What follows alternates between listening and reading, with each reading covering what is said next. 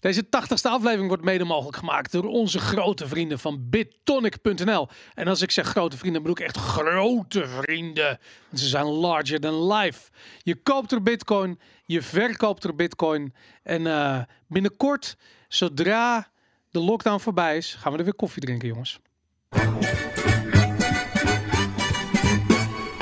It's the Bitcoin Show with our very special hosts, Aaron, Boris, and Jan Willem. Yay!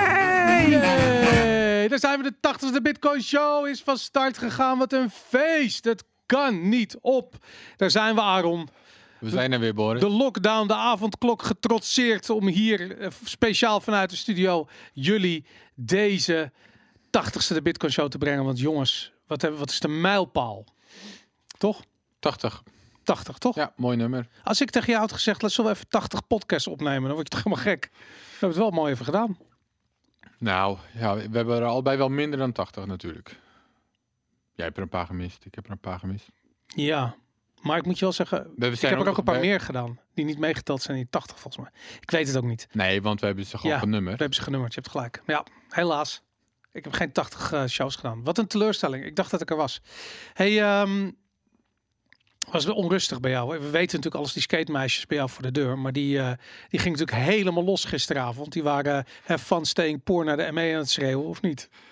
Nee, nee, Utrecht, eh, Utrecht was gewoon rustig. Oh ja, is, wordt er niet... Utrecht eh, is voor zover ik weet niks gebeurd. Ik heb wel even een afgebroken? helikoptertje gehoord op een gegeven moment. Maar, maar volgens mij in Utrecht was het gewoon rustig. Oh, doe maar. Dus Utrecht is de place to be. Bij jullie bij jou Nee, ook rustig, toch? bij mij- Of- ja, jij hebt zelf natuurlijk de boel. in- Jij, hebt GGZ.nl zitten. Eh, zitten Daarom, ik, eh, ik, heb, ik heb teststraten aflopen fikken. Ik, eh, ja, ik, ik ga van hot naar her. Ik, eh, ik, ik probeer mijn steentje bij te dragen natuurlijk. Hè. Snap ik. ja, daarom. Maar ehm, ja, nee, het is maar wat. Denk je dat... ehm, eh, ik hoor natuurlijk iedereen is voornamelijk heel verontwaardigd en heel woedend en zo. Denk je dat er ergens een, ehm, een, een, een, een link met bitcoin te leggen is met wat hier aan de hand is? Nou, dan moet je goed je best doen. Maar jij kan dat vast, Boris. Ja, Nou, maar jij- ik, ik had het al bij, bij Black Lives Matters bij wijze van spreken. Eerst hadden we de, de gele vestjes natuurlijk. En, eh, Ja. eh, weet je, was, eh, ik denk een van de grootste eh, ja, protesten die we de afgelopen eh, decennia in Europa gezien hebben, denk ik. ik bedoel, een, wat is het, een jaar lang, als niet anderhalf jaar, gewoon elke week daar iedereen de straat op. En ehm, dus ik had zoiets van ja, protest, dat hangt in de lucht. Weet je, ik heb ook altijd zoiets van protest hangt in de lucht. Als dat op meerdere plekken tegelijkertijd plaatsvindt, dan zou je wel kunnen zeggen dat de aanleiding natuurlijk kan verschillen. Weet je, hier is een avondklok, daar is het weer wat anders. Het maakt niet uit. Maar ehm, er is toch altijd een soort van onderliggende onvrede. Mhm. eh, waarbij ik zoiets heb van dat heeft ergens wel soort van dat zoomt wel in de maatschappij. En voor mij persoonlijk, Nou. ja, ga verder. Jij ging- was aan het praten, hè, maar ik kan je wel onderbreken. ja, nee, je ging me onderbreken. Onderbreek me maar, want ik ben heel erg zoekende naar... eh, naar Nee, eh, de- het is volgens mij wel vrij goed. Zo, uit sociologisch onderzoek en zo blijkt wel dat ongelijkheid zorgt ook voor onrust. Dat wou ik zeggen. Dat, dat heb je ook met, eh, dat zie je ook aan apies. Hè? Als je apies eh, in twee kooitjes en dan geef je het ene aapje geef je banaantjes Ja, en het andere aapje geef je komkommers. het wordt helemaal gek. Dan wordt dat eh, aapje met die komkommers, die wordt pislink op dat aapje die de banaantjes krijgt. Dat, en dat zie je bij mensen natuurlijk ook. Ja, als er, Ja. als er ongelijkheid, dan, dan gaat er on- onrust en onvrede broeien. Ja, En je kunt inderdaad wel de link maken, denk ik, dat er dat het, dat het geldsysteem en ehm, eh, hoe heet het nou, de Cantillon effect, dat soort dingen, dat zorgt voor ongelijkheid en daarmee misschien ook voor onrust. En dan eh, is, is er eh, is zo'n lockdown of wat of zo'n ehm, hoe heet het, die man die werd vermoord in eh, de, de police brutality, dat is gewoon de, de aanleiding voor de George Floyd. George Floyd. Dat is, dat is dan inderdaad misschien de vonk waar de ontploffing vandaan komt. Ja. ja. Ja, want ik vind het wel opvallend dat eh, Nederland is een land waar altijd wel relatief weinig ongelijkheid was. Ik bedoel, er is natuurlijk ongelijkheid, ongelijkheid is er altijd wel, maar eh wij waren een, een, een rela- net als Duitsland relatief egalitair, of hoe heet dat, eh, ehm, eh, ehm, eh, bevolking. En ehm, dat is natuurlijk veranderd. Weet je, ik bedoel, je ziet dat in de huizenprijzen, de, de, de, de schrijnende inflatie, waar we ook hier intern op de redactie nog wel een discussie over hebben of die er nou wel of niet is, maar waar jij en ik allebei soort van volledig van overtuigd zijn dat die inflatie wel degelijk zichzelf laat zien. Ja. Maar en, en los van die huizenprijzen en die aandelen van, van Apple en zo, heb ik wel heel erg het idee dat je die inflatie dus ook gewoon in de supermarkt begint te zien. Nou, dat weet ik niet. Nee? Met minder wel in ieder geval dan in huizenprijzen, toch? Wil je een, anek- een, een leuke anekdote horen? Want vanochtend stond ik namelijk met een pot biologische pindakaas in mijn hand. Ja, maar dat zijn Die al- was altijd 3,89. Die is nu gewoon 5,99. Dat is een behoorlijk. Ja, maar er zal misschien ook iets tegenover staan wat weer goedkoper wordt. En kijk, eigenlijk zou alles natuurlijk goedkoper moeten worden, want we worden steeds efficiënter in onze productie en we steeds meer autom eh, wordt geautomatiseerd. En Ja. het feit dat dingen niet goedkoper worden, dat is eigenlijk al. nou, Ja. Dat, ja, niet de term inflatie klopt niet, maar dat is al een teken dat het geld minder waard wordt. Heb jij, eh, heb jij dat? Wat, eh, ja. wat wel aardig is, om nog even over die CPI door te gaan. We hebben al heel vaak, we hebben het er nu toch over, we hebben al heel vaak genoemd van ja, sommige dingen zitten niet inbegrepen in die CPI en dat is eigenlijk gek. Ja. Daardoor zeggen wij, denk ik, dat zijn we dus met elkaar eens van er is meer inflatie dan CPI laat zien. Ja. Omdat huizenprijzen er niet in zitten, om eh, op het meest obvious voorbeeld te geven. Het andere ding is, volgens mij werkt het dus zo, dus het, hoe stel je het mandje samen? Oké, dan kijk je wat kopen mensen, wat wordt er gekocht, wat voor dingen, wat, wat eh, schaffen mensen aan. En dan maak je daar een beetje gewogen gemiddelde van en dat stop je in dat mandje. Maar het is dus volgens mij ook zo dat, stel dus dat jij, ik ga nu eh, een Severdien voorbeeld geven. Oh, vet. Goed dat Jan er niet is. Ja, precies. Ehm, als mensen premium biefstuk kopen, maar dat wordt duurder door inflatie, dus de prijs van premium biefstuk gaat omhoog. Ja. Eh, dus premium biefstuk kopen mensen dus zitten in het mandje, maar dan Ja. gaat de prijs van premium biefstuk omhoog. Dus dan zeggen mensen, oké, dan kunnen we dat niet meer betalen. In plaats daarvan kopen we een goedkopere hamburger Ja. omdat dat dan goedkoper is. Maar doordat mensen dat dan gaan kopen, wordt dat dan ook weer vertaald naar dan wordt dat dus nu het nieuwe mandje. Dus dat de hamburger erin Ja. gaat zitten. En dat je dus dat dat ook ehm, in de weg zit van een goede berekening van het CPI. Ja. Dat mensen gewoon mindere kwaliteit gaan kopen, omdat, dat, omdat ze door inflatie zelf. Maar daardoor Ja. verstopt de inflatie juist ook weer, zeg maar. Ja, ik, ik, ik, denk niet dat de, dat de consumptie dat drijft. Ik denk dat dat echt moedwillig. eh die biefstuk wordt er uitgehaald door het CPI-bureau eh, van de statistiek. Weet ik wel wie dat doet. Ja, maar dus en dan een hamburger erin eh, gedaan. Ja, nee, ja, jij, oké, dat is dan waar we misschien in verschillen. Dat jij denkt dat dat een soort van Ja, maar dat hele, dat hele mandje is toch, dat mandje tussen aanhalingstekens, is toch gewoon één grote samengestelde groep aan producten en dingen en, en shit. eh, waar, eh, waar gewoon het, het Centraal Bureau voor de Statistiek, neem ik aan, ik weet niet wie dat anders zou doen, eh, ehm, daar op een of andere manier een soort van, van verdeling in aanbrengt. Ja, maar waar we dan nu misschien over verschillen is hoe dat wordt samengesteld. En wordt het samengesteld door, door, een, door die, door een, eh, wie doet het? Staat het bureau De CBS, denk ik. CBS. Ja. Doen die dat met een bewust doel om iets voor elkaar te krijgen met dat mandje? Ja. we worden even ja. afgeleid hier. Ja. Eh, Doen zij dat met een bewust doel om iets voor elkaar te krijgen? Dus omdat ze- om die inflatie laag te houden. Om inflatie laag te houden. Of is het meer organisch? Mensen switchen gewoon naar goedkopere producten omdat ze dat beter kunnen betalen. En daarop volgend reageert het Centraal Bureau voor Statistiek. En die constateert, oh, nu kopen mensen meer hamburgers in plaats van biefstuk. Dus nu gaan we het mandje, gaan we hamburgers in doen. Nee, volgens mij is het niet zo interactief als je. Want volgens mij ze gaat dat ook niet helemaal in overleg met eh, Albert Heijn of weet ik veel hoe ze dat doen. Ik heb geen idee eh, hoe het precies werkt. Maar Dat eh, weet ik eigenlijk ook niet. Maar ja. dit was in ieder geval, laat ik het dan gewoon zo zeggen. Dit was zijn verdienst. ehm, theorie of zo legde hij het uit. ja, Ik heb dit niet gefactcheckt. En soms als jij verdien dingen zegt, eh, heb ik wel de indruk dat maar hij, het hij heeft wel heel erg worden gefactcheckt. Maar dit, dit vond ik wel geloofwaardig klinken op zijn minst. Ja. Ja. ik kan me voorstellen dat dat zo gaat. Ja, En dat je op die manier dus in mijn ogen toch op een organische manier ook weer inflatie verstopt. maar het is absoluut waar dat de biefstuk vervangen wordt door een eh, hamburger. En dat is eigenlijk een vorm van shrinkflation. Dat zie je ook dat er minder chocola in de Ja. Snickers, of weet ik veel. Dat, Ja, dat, ja. dingetjes. Dus dat, eh, nee, dat gebeurt. Maar goed, even over die ongelijkheid. Ehm, dat is natuurlijk, ja. Ja, nou, nou, ja, nou maar ik Kom vind ik als je, als je, maar Arno, ja. Arno Wellens had het er toch ook over. eh, Ja. Dat, nou ja, goed. Maar dat de CPI bullshit is, dat, dat, dat zei Arne wel eens ook inderdaad. Ja.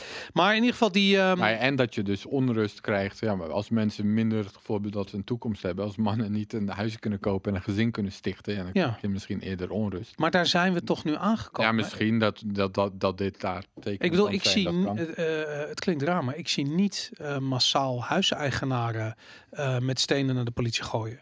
Weet je, het lijken me eh, eh, eh, ja, voornamelijk jongeren te zijn. En die worden keihard geraakt door, door die ongelijkheid. En natuurlijk ook nog eens een keer driedubbel door lockdowns en, en, en avondklokken. Want de sportschool was al dicht, ze konden geen fuck doen. Scholen zijn dicht, eh, weet ik veel. Papa eh, kan zijn, eh, eh, kan, kan zijn eh, eh, weet ik veel, zijn, zijn, zijn, zijn middenstander bestaan niet meer voortzetten. Omdat zijn, zijn zaak gesloten is, weet ik veel.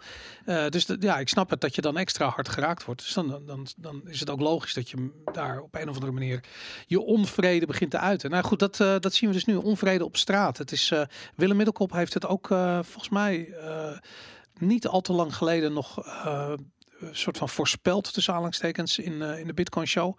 Eh, hij zei ook van ja, die, die eh, inflatie gaat gepaard met hevige sociale onrust.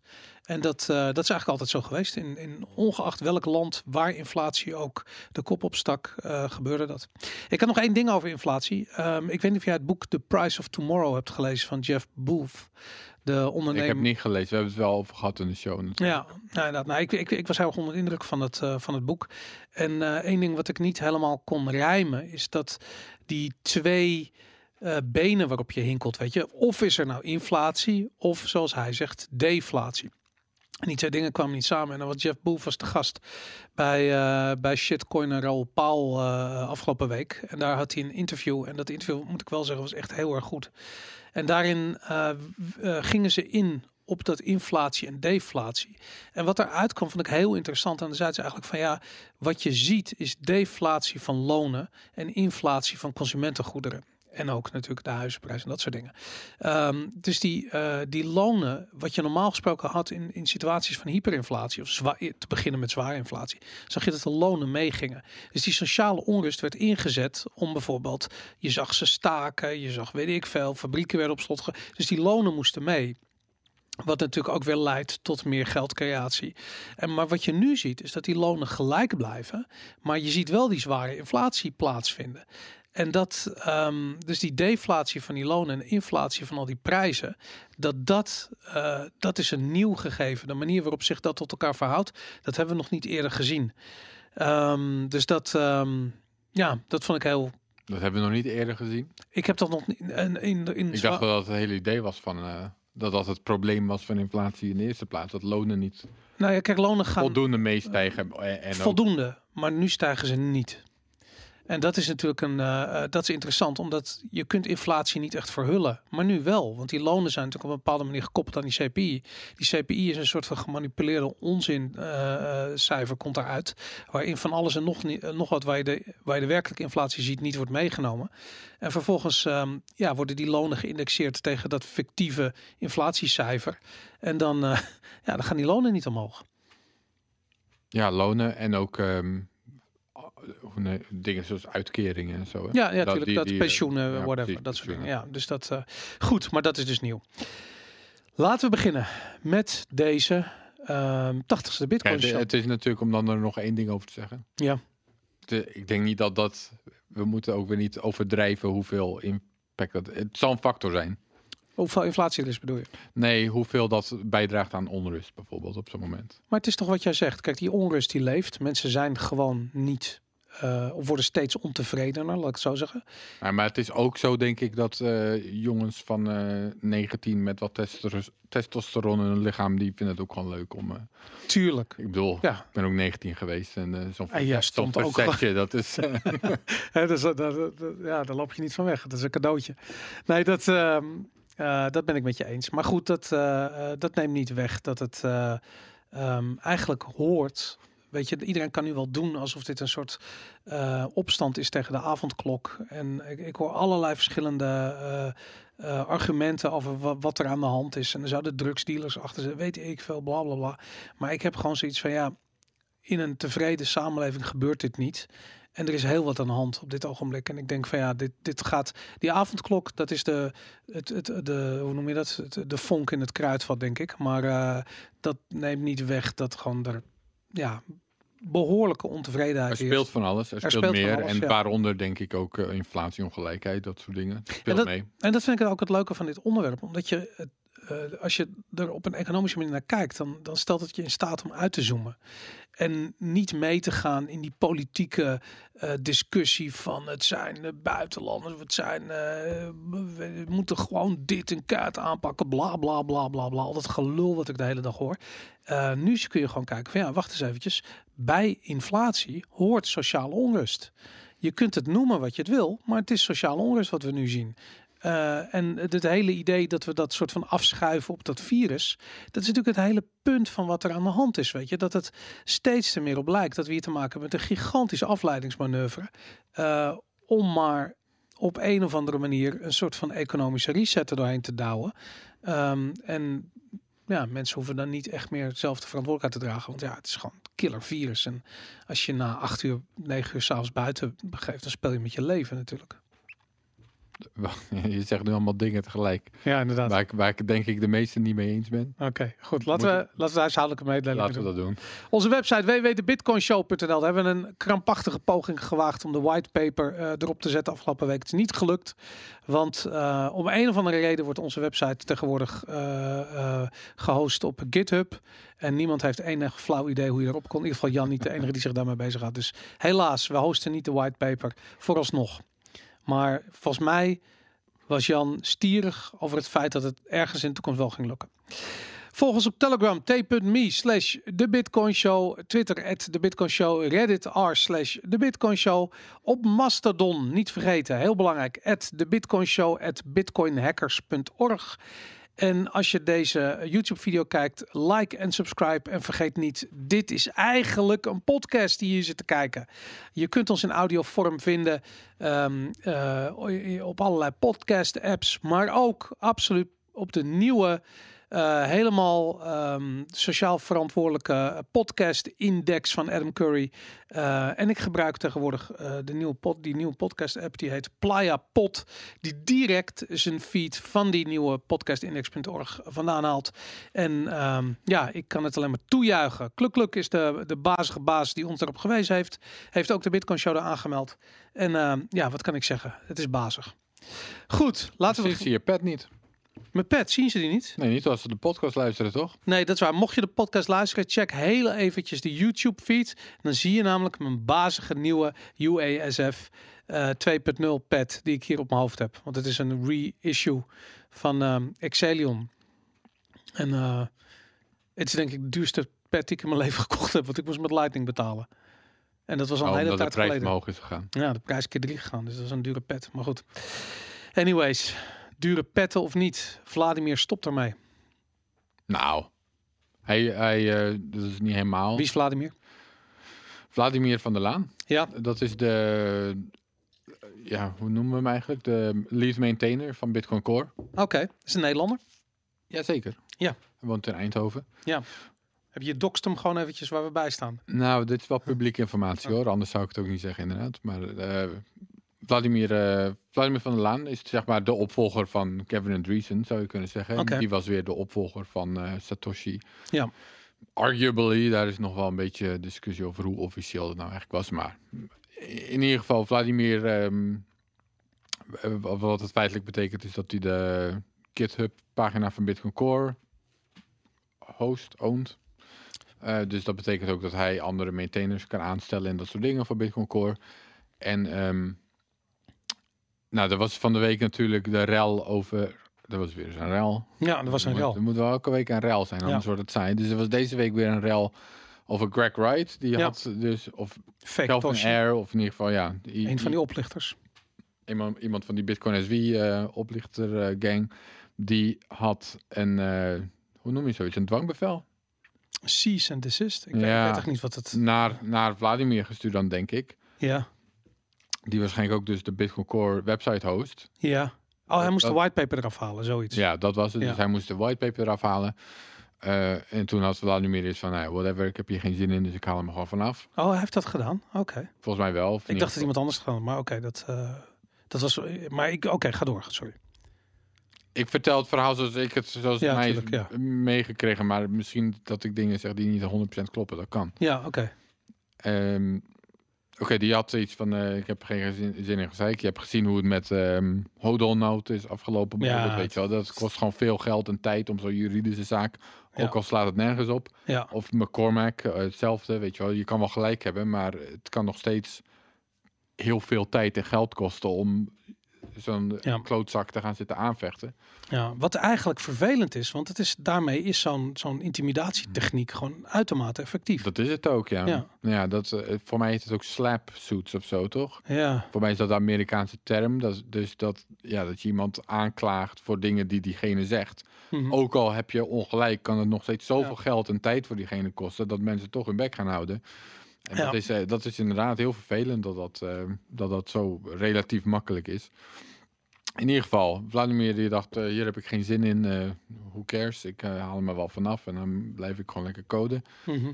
Die Bitcoin, co- die Bitcoin whitepapers op genoeg plekken te vinden.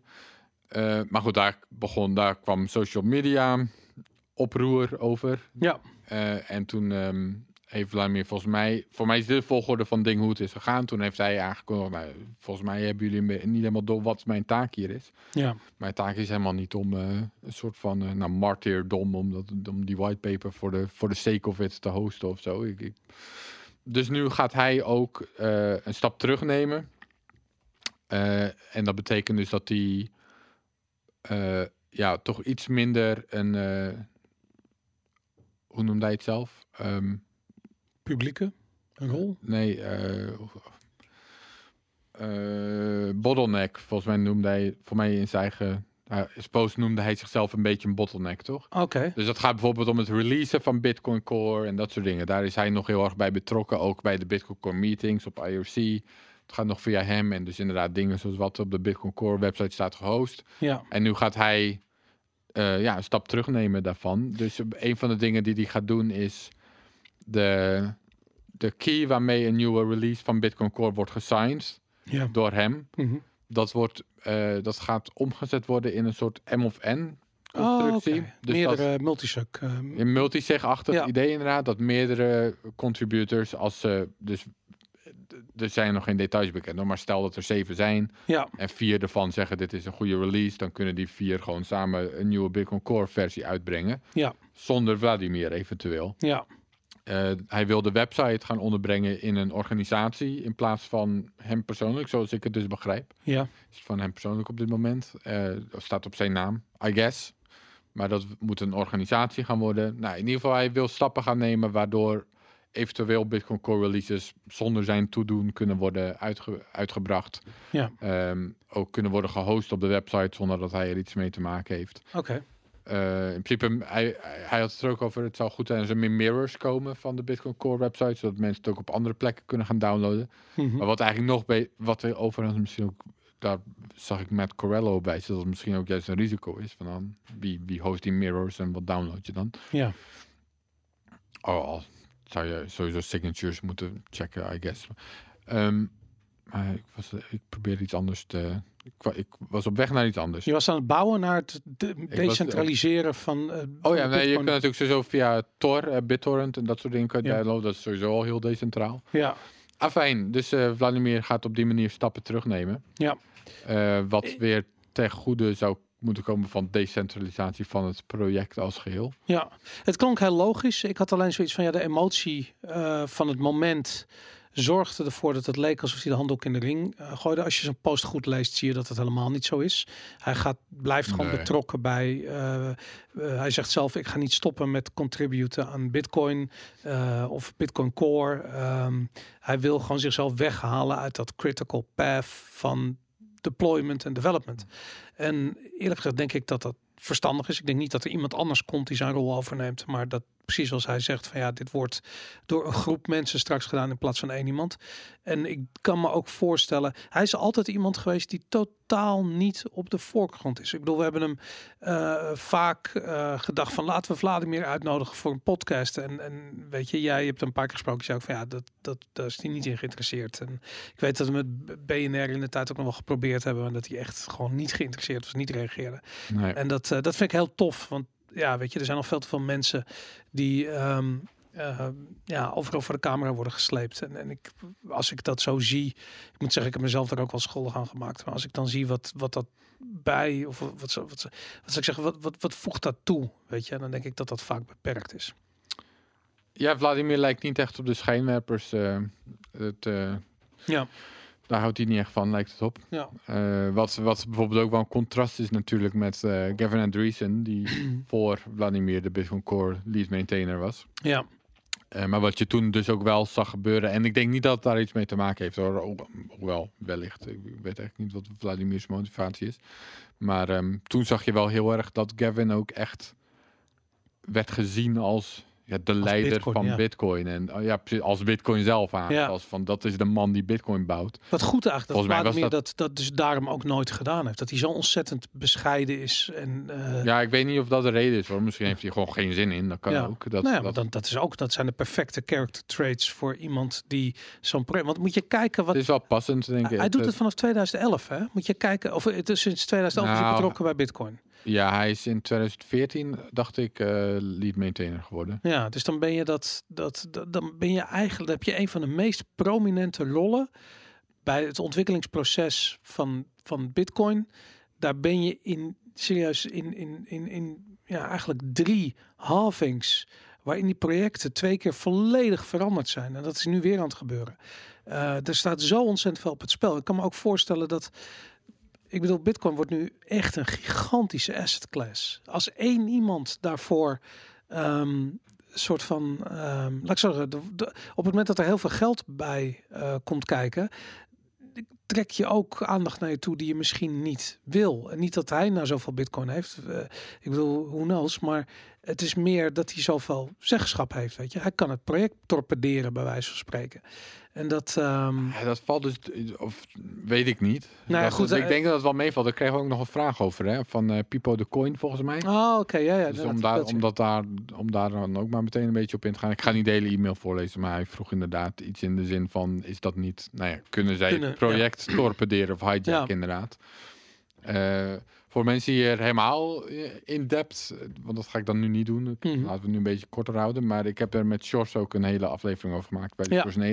Een paar afleveringen geleden. Iets met open source in de titel. Voor mij was het aflevering 22 of zo. Ja. Hm, Ik weet niet meer precies, 25. Eh, Ergens eh, een paar afleveringen geleden. Maar ehm, eh, oké, ten eerste, Vladimir heeft, dat schreef je ook in deze blogpost, sowieso in 2020 was hij maar verantwoordelijk voor iets van, eh, voor mij was het tussen de 25 en 30 procent van de pull requests. Mhm. 27 procent of zo, weet ik. Ja. Is Zoiets. Dus heel veel van de pull requests worden al gemerged door andere maintainers. Ja.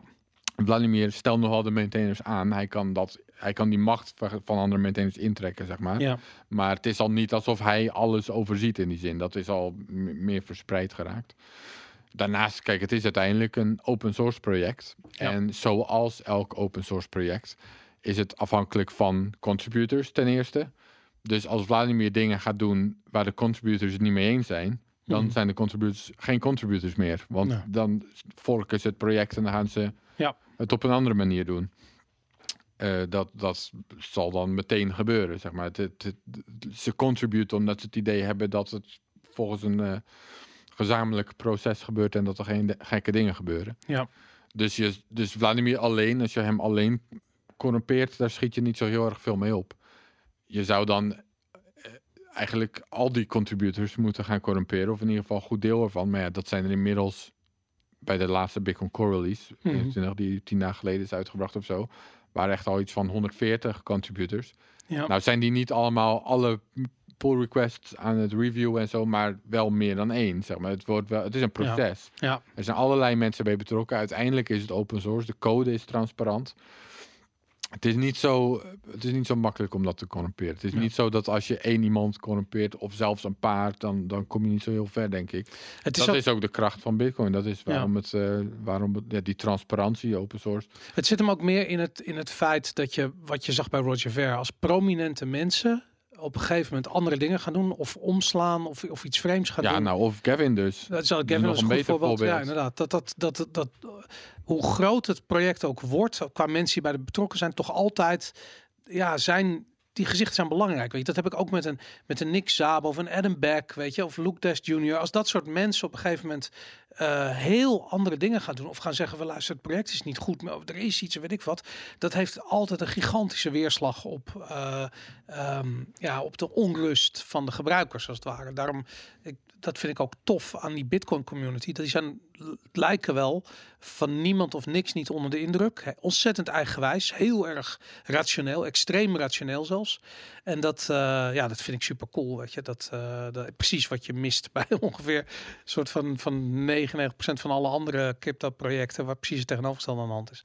Maar goed, Nou, en ik weet niet of ik de community altijd even rationeel Nou, zou willen noemen, maar ik denk wel dat je begrijpt wat ik Bitcoin... bedoel, toch? Ik bedoel, het zijn niet mensen die... Nou, ik zou het anders zeggen. Ik denk dat Bitcoin heeft laten zien redelijk goed bestand te zijn tegen irrationaliteit. indruk- Ja, oké. Eh, en een voorbeeld daarvan is inderdaad Kevin Andreessen, die op een gegeven moment totaal andere kant op wilde. En heel veel mensen die hem eigenlijk blind vertrouwden. Ja, Ook heel prominente mensen. Weet Ja. je eh, op het moment dat je Coinbase mee weet de andere guy nou die ook weg was? Jeff Garcic of Mike Hearn. Mike Hearn inderdaad, ja. Eh, maar goed, Bitcoin eh, heeft juist ook wel laten zien bestand te zijn tegen dat soort gekke opwellingen. Ja, ja. Dat vind ik eerder eigenlijk dan nog eh, bullish dan dat, dat we constant moeten vertrouwen op de rationaliteit van iedereen in de community. Ja, ik vind het ook grappig toen Mike Hearn ermee stopte. Toen, eh, maar goed, dat deed hij wel heel publiekelijk.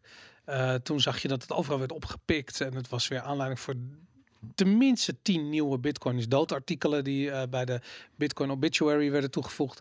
En ehm, eh, nu, de, nu, nu ik dit zo hoor, denk ik eigenlijk, ja, dat is eigenlijk niets van de hand. Dat, eh, maar moet ik zeggen dat ik vind de post van Vladimir ook heel erg goed. Dus eh, goed. Maar Ah. goed, ehm, om dan nog even Pipo de Coin. eh, ik denk dat er veel moet gebeuren voordat je zo'n proces kunt corrumperen. Je moet echt heel veel developers gaan corrumperen. Je moet. eh, Ja, ik denk, ja, het is heel moeilijk. Het kan.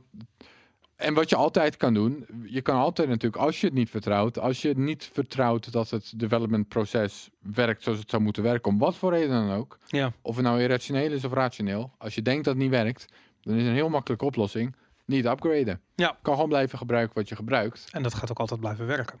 Dat is in principe wel een eh, hoge prioriteit. Dat, dat, je me- dat je gebruikers dat geeft. Dat ze kunnen blijven gebruiken wat ze op dit moment aan het gebruiken zijn. Ja. Dus dat elke upgrade backwards compatible moet zijn met wat er al is. Ja.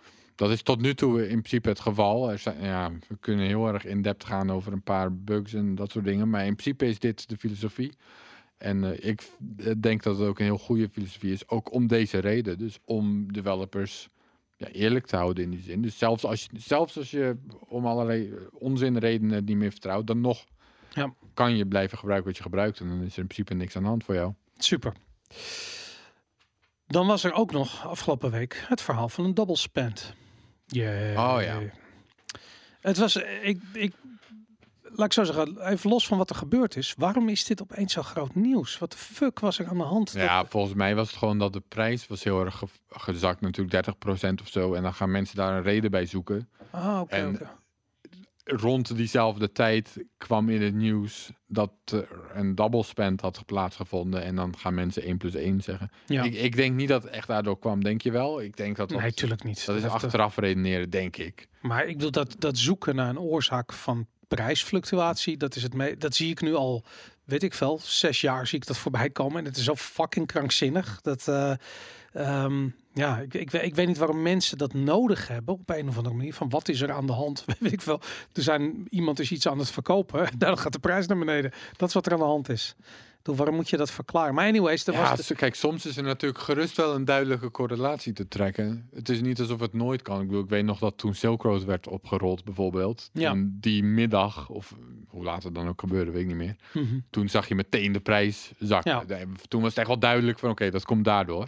Ja, Toen recoverde het ook weer binnen een week. En dat was een heel bullish teken voor veel mensen. En toen kregen we daarna een enorme bullrun. ja, Maar toen was er wel een heel duidelijke correlatie. Maar je ziet inderdaad ook wel heel vaak dat, dat het een beetje gezocht lijkt. Van ja, de prijs is. de- Bitcoin gaat altijd op en neer. En dan is er altijd wel iets te vinden waar het aan ligt. Ja. En nu, nu ehm, correleerden mensen het aan die, ehm, die zogenaamde double spend die zou hebben plaatsgevonden. Nou goed, eh, de, de, de double spend. Ik bedoel, ik, ik, ik vind het raar, want ik kan me herinneren, een paar jaar terug waren die reorgs. Dat kwam regelmatig voor. Het was nooit groot nieuws. Nee, maar het is natuurlijk niet altijd zo dat er ook een conflicterende transactie in die reorg blokken dat hebben we zit. toch ook wel eens eerder gezien. Is dit nieuw? La, laten we even uitleggen. Ja, dat, wat- was een goede, dat is een goede vraag. Dat vroeg ik me eigenlijk ook af. Want ik, ik kan me niet. zeker dat dat eerder is. Het, het zal haast wel, maar ik kan me niet herinneren. Dat, ik kan me geen ander voorval herinneren dat dat is gebeurd. Ja, Hey, eventjes Ehm. voor de mensen die niet weten. Op een gegeven moment zagen we een, eh, volgens mij, eh, ik weet het, ik ben niet helemaal 100% op de hoogte, maar het was volgens mij een transactie van Slushpool. Eh dus een, iemand die wat gemined had. Het ging niet om heel veel geld. Het ging Nee, dat kan haast niet, want dat moet sowieso 100 blokken wachten. Oh ja, oké, nou goed, ik, ik weet niet. In ieder geval, er was een, eh, er was een transactie eh, en eh, die werd aangeboden. Ehm, en toevallig in hetzelfde blok zat een andere transactie die sloeg op de change die uit die eerste transactie voortkwam. Waardoor ehm, ja, je dus eigenlijk zou kunnen zeggen van daar is, daar geld wordt twee keer uitgegeven. Een, een zogenaamde double spend. Daar is Bitcoin voor ontworpen. Leg je het nu goed uit? Dit is, dit is wat ik ervan begrepen heb. Dat het, dat het dus niet ging om iemand die twee keer hetzelfde bedrag heeft gespend. Maar dat het toevallig te maken had met een change die werd doorgestuurd naar een ander adres. En dat dat in een tegelijkertijd in een ander blok zat. Ehm, Ik dacht dat het wel echt een double spend was. oh ja, moedwillig gedaan. Nou goed, oké. Dat dacht ik. Het zou kunnen. Ik, maar het weet- maakt niet zo heel veel uit. Nee. Maar goed, wat, wat, wat, wat gebeurt er? Dus we zien tegelijkertijd exact, puur toevallig worden twee blokken gemined met daarin dezelfde transactie die allebei naar een ander adres gaan. Ehm, ja, dezelfde coins worden zeg maar uitgegeven. ja, en dat toevalligerwijs, want je kunt het bijna niet timen, tenzij je een miner bent. Maar stel je voor dat je dit, eh, eh, ja, dit heeft iemand voor elkaar gekregen. Dus ehm, wat gebeurt er dan op het moment dat je dus tegelijkertijd twee blokken met andere informatie gemined worden? Eh, hetzelfde als, er, als wanneer er twee blokken met dezelfde informatie gemined worden. Namelijk, de verschillende delen van het netwerk zijn dan tijdelijk even gespleten. Ja, Dus de delen van het netwerk hebben dan een ander blok als eerste ontvangen en vinden dat het geldige blok. Mhm. Eh, vervolgens wordt daarop doorgemined door die twee helften van het netwerk. Ja. Tot een van de twee wel een voorsprong krijgt. Ja. Dus met andere woorden, de eerste helft die weer een nieuw blok vindt, die wordt ook door de andere helft dan ehm, erkend als de winnende chain. En dan switcht iedereen daar naartoe. Ja. Dat is hoe Bitcoin werkt. Dat is hoe Bitcoin consensus vindt. en hoeveel Dus blokken duurt dat? Dus dat, dat is bijvoorbeeld. ehm, ja, dat, het, dat kan in theorie natuurlijk. Heel lang doorgaan. In theorie kan het voor altijd doorgaan. Alleen het wordt exponentieel. Het wordt steeds minder waarschijnlijk. Ja. De kans wordt op een gegeven moment heel erg klein. Eh, we gaan er met z'n allen een beetje van uit. Wat ooit volgens mij door Satoshi onder andere is vastgesteld. Zes blokken, dan. Dat is zo onwaarschijnlijk. Dan moet je ervan uit kunnen gaan. Dat is final. Oké. Dus ongeveer een uur. Ja. Na een uur moet je, ik bedoel dan, dat, dat hebben we ook nog nooit gezien. Volgens mij het meeste wat we hebben gezien op deze manier voor mij wel een keer twee gezien. Maar ja, en er is een soort theoretische mogelijkheid om blokken van tevoren te minen en in één keer te ja, oké, maar dan hebben we het over aanvallen Ja. inderdaad. We hebben het nu even over gewoon toevallig dat iets tegelijk wordt gemined. Ja. Volgens mij hebben we dat wel eens gezien met twee diep. Maar weet je wel, Oké. drie diep al niet, denk ik. En zes diep, dat gebeurt gewoon niet. Nee. Dat is veel te onwaarschijnlijk. Dus dit is helemaal Eh, geen, geen, het is geen fout. Het was geen dubbelspend. Eén van de twee transacties wordt gewoon weggegooid na waarschijnlijk die, die twee of drie blokken die er bovenop komen. Ja, je kunt er een beetje over, je hebt gelijk, je kunt er een beetje over discussiëren wat nou eigenlijk precies de definitie is van een double spend. Mhm. Ehm, je- je zou kunnen zeggen dat sommige mensen willen dit helemaal geen double spend noemen, omdat uiteindelijk was er maar eentje in de chain. Ja. Sommigen willen het gewoon een double spend van één diep noemen, maar ook resolved, dus nog steeds geen probleem.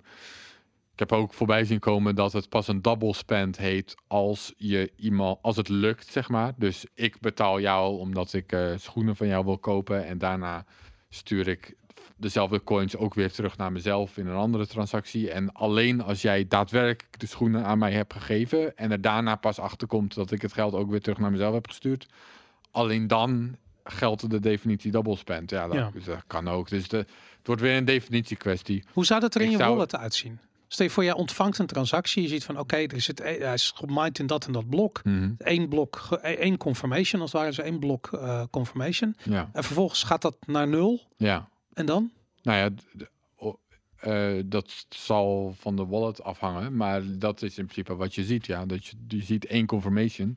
En als je een goede wallet hebt, dan geeft de wallet aan dat is nog niet genoeg. Dan staat er één, één van de zes of zo. Ja.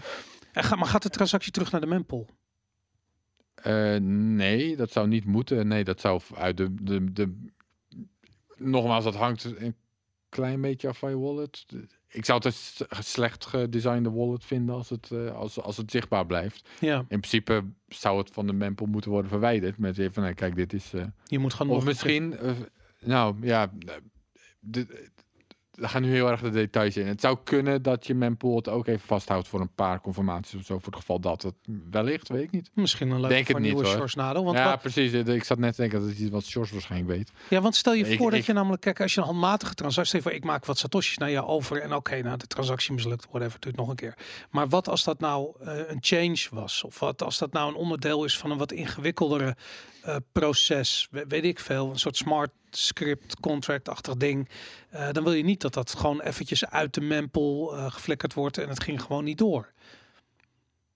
Ja, nou kijk, ten eerste, ehm, er is niet een de mempool. Hè? Het is, elke node heeft een eigen mempool. Ja. Dus ook als iets uit jouw mempool wordt geflikkerd, dan is het niet alsof je daarna niet alsnog een blok kunt accepteren waar een transactie wel in zit. Omdat iemand anders het misschien wel heeft overgenomen. Of... Dat zou, dat zou dan sowieso moeten gebeuren. Zeg Ja. maar. Volgens de theorie die jij net uitlegt, zou iemand ergens de parent transaction sowieso ook moeten minen. Of hoe dan precies zat met je voorbeeld. Ik vind het zo grappig. Zodra je een klein beetje van het pad afgaat met Bitcoin en je hebt zoiets van wat als puntje, puntje, puntje, dan is het zo'n zoektocht.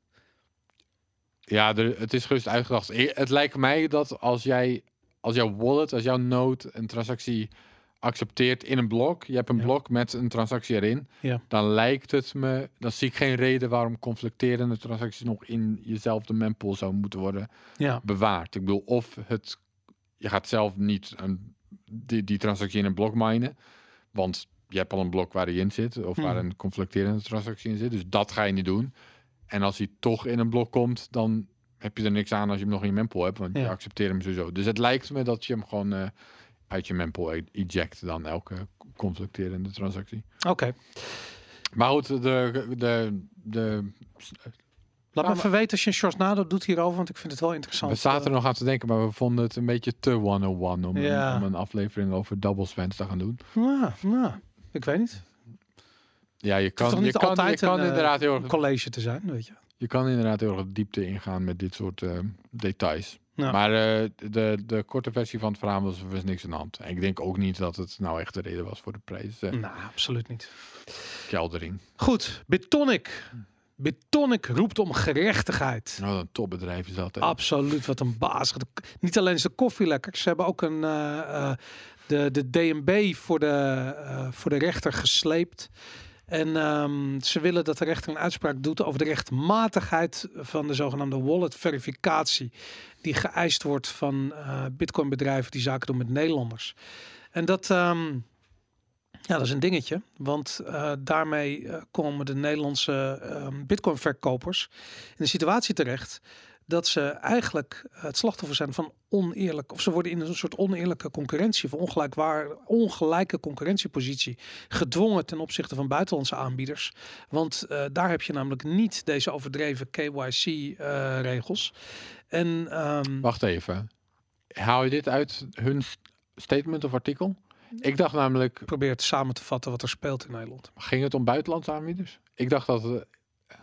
Nou, buitenlandse aanbieders lekker zijn hè, ook van onze podcast. We, dat we denken gewoon hardop terwijl we het maken. Nee, wat het is, ik bedoel, sowieso Nederlandse ehm eh, cryptobedrijven moeten die wallet verificatie doen voor Nederlandse klanten. Ja. Voor buitenlandse klanten hoeven ze dat niet te doen. Nou, Dus als een Belg Bitcoin Oh. koopt bij Bitonic, hoeven ze geen wallet verificatie te doen. nee, oké, ja. als eh, bijvoorbeeld, ik weet dat als je bijvoorbeeld bij, eh, eh, bij sommige Amerikaanse exchanges, en ik weet dat Bitstamp het nu ook aan het doen is volgens mij. Ja, voor Nederlanders. Voor Nederlanders. Die moeten, je moet, dus die zijn ook wallet verificatie aan het doen, omdat ze gewoon bang zijn dat ze gezeik krijgen. Ja, Ik niet dat de, de lange arm, of dat tenminste het, het, het zielige stompje van de Nederlandse bank zo ver reikt, eh, dat ze ook eh Bitstamp kunnen, soort van kunnen aanpakken. nou, Maar- de, de Rock Trading die neemt ook al helemaal geen Nederlanders meer aan Ja. als klant. Nou, ook dit gaan ook we om deze reden. Ja, nou goed. Dat, dus ik denk dat iedereen zo bang is voor regelgevers. Dat komt natuurlijk door de SEC en die hebben wel een lange arm. Die hebben niet zo'n, zo'n, zo'n hoe heet dat als je zo'n Stompje. Ja, zo'n zo'n zo'n armpje hebt. Maar anyways, dan ehm, dat, dat is een beetje de, de. Maar goed, dus die regelgeving die zorgt dus eigenlijk ervoor dat Nederland dat er vanuit Nederland ehm, niet echt meer eh, ehm, ja, soort van een gelijk goed geconcurreerd kan worden met buitenlandse bedrijven. En dat is lastig. Maar ging het hierom? Ik dacht dat het ging om de om bank, om fi- andere financiële instellingen, gewoon in Nederland. Dat, dat, dat daar het ongelijkheidsbeginsel eh, van toepassing was. Dus dat, Nou, dat bit- dat crypto bedrijven, crypto zoals ze dat dan noemen, ehm, strenger moesten zijn dan normale banken. Uiteindelijk. En dat daar een van de bezwaren lag.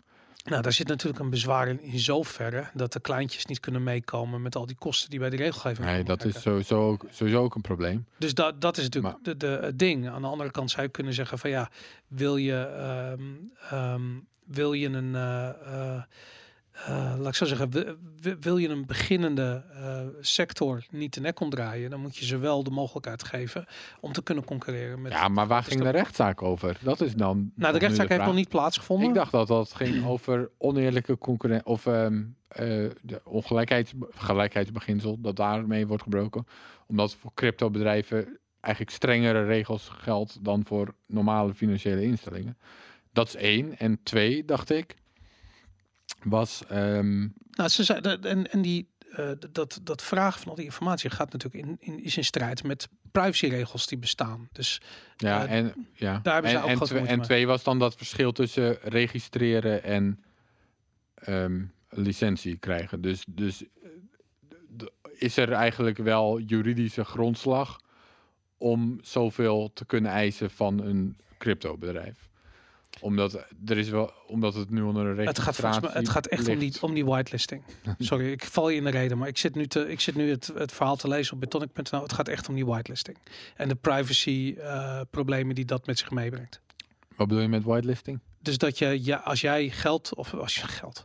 eh, ik, ik, ik, wil, ik wil Bitcoin niet eh, beledigen met, met zo'n inferieure term als geld. Maar als, ehm, eh, hoe heet het, ehm, eh, als jij je keiharde Satoshis wil opnemen van Bitonic Mhm. naar je eigen wallet sturen, dan moet je dus een, op een of andere manier bewijzen dat, die, dat dat adres jou toebehoort. Ja, dat snap ik wel. Ja, dat is die whitelisting. Ja, maar dan is dus de vraag, is daar juridische grondslag voor dat dat moet? Nou, da- dat vinden zij niet. En, Nee, daar gaat de rechtszaak toch over? Ja, Nou, dan zijn we het met elkaar eens, Boris. maar je had het over de kosten voor de... Voor de Nee, daar had jij het over. Ik heb het nooit, daar heb jij het over gehad. Ik dacht dat jij het over had. ja, dat krijg je met zo'n avondklok. Dan ben je gewoon even helemaal van de wereld. Hier, ehm, eh, anyways, de whitelisting, het privacyprobleem, de oneerlijke concurrentie, het... eh, ehm, Oneerlijke concurrentie met wie? Met andere financiële instellingen, toch? eh, nee, sorry, voor in mijn ogen met buitenlandse bitcoin aanbieders. Maar anyways, laten we, het, laten we het in het midden laten. Het gaat om die whitelisting eis. En eh Bitonic wil dat eh, de Nederlandse bank zich, eh, of dat de rechter zich buigt over die regelgeving van de Nederlandse bank. En we hopen natuurlijk dat de rechter de hele bliksemse bol tegen het licht houdt. Begrijpt dat we hier te maken hebben met een oud-Hollands eh stierenpoep verhaal van de Nederlandse bank. En daar keihard korte metten mee zal maken. Denk je niet? Het is jammer dat we geen contact hebben met Bitonic. Dat we ons even goed konden laten inlichten of zo. Ik, ik ben, als iemand dat ze kent, niemand van kennen. ja, dat zou echt makkelijk zijn als iemand dat. dat eh. Anyways, ehm, ja, nou goed. Dit, eh, ik heb natuurlijk gevraagd aan iemand eh, van Betonic hoe lang het duurt voordat de rechter een uitspraak doet. Eh, Ah, oké. En vanwege de corona gaat dat waarschijnlijk nog wel april, mei worden, zoiets. Eh, het is nog maar de vraag of de rechtbank zich eh, eh, ontvankelijk verklaart voor deze eis. Dat is stap 1. Dat Oh ja. weten we eh, redelijk eh, snel al. En daarna moet die zaak voorkomen. Nou, dit, dit gaat allemaal nog wel eventjes duren. Dus eh, hopelijk tegen de zomer hebben we een uitspraak. Hey, en jullie al dat er, eh, jij met, eh, toen je hier met Jan zat, hadden jullie volgens mij ook over dat andere bedrijven zich hier dan weer helemaal niet mee bemoeien. Ja, Maar dat bleek niet helemaal te kloppen of... Nou, met name Betonic is iemand die, of is iemand. Betonic is een bedrijf wat eh, eh, eh, ja, zich wat harder opstelt dan andere partijen. Moet zeggen dat dit, het, het klinkt. Ja, het klinkt ook heel braaf, weet je. Het is veel spectaculairder om stenen te gaan gooien. Maar ehm, dit, is, eh, ehm, ja, dit is wel een partij die zich natuurlijk moet voegen naar de Nederlandse bank. En volgens een rechtszaak tegen ze begint. Dus je weet niet wat voor gevolgen dat voor Betonic heeft. Het is best dapper dat ze Ja, dat is, eh, zo klinkt het wel, ja. Ja, dus dat vind ik, vind ik heel tof. Dus eh, go, go Bitonic. Jullie zijn baziger dan ooit. En ehm, omdat ze zo bazig zijn, hoop ik ook dat mensen dat zullen inzien dat ze bazig zijn. Ehm, ik hoop eigenlijk dat eh, andere eh, crypto eh, aanbieders, ik, ik haat het woord, bitcoin aanbieders, zich, zich voegen bij deze zaak. En misschien Nee, dat is meedoen. typisch iets waarvan je denkt, samen sta je sterker. toch? Ja, maar, zeggen, ja. Dus dat, maar goed, het is alleen Bitonic op dit moment. Ja, ik, ik moet je zeggen, ik heb zelf ook grote moeite met de, de, het luide geschreeuw en de, de, de persberichten die ik te zien kreeg. Als iemand weer een of andere Nederlandse bankregistratie eh, te pakken had en hoe trots ze daarop waren. Dat ik echt zoiets had van, Oh ja. ja, je- Jesus Christ, moet je daar nou eh, trots op zijn? Weet je, dat je die, eh, ja, dat je in, een- in een keurslijf van een centrale bank laat persen, terwijl, je, terwijl we hier bezig zijn om, om, om, om, een monetaire revolutie te, te creëren.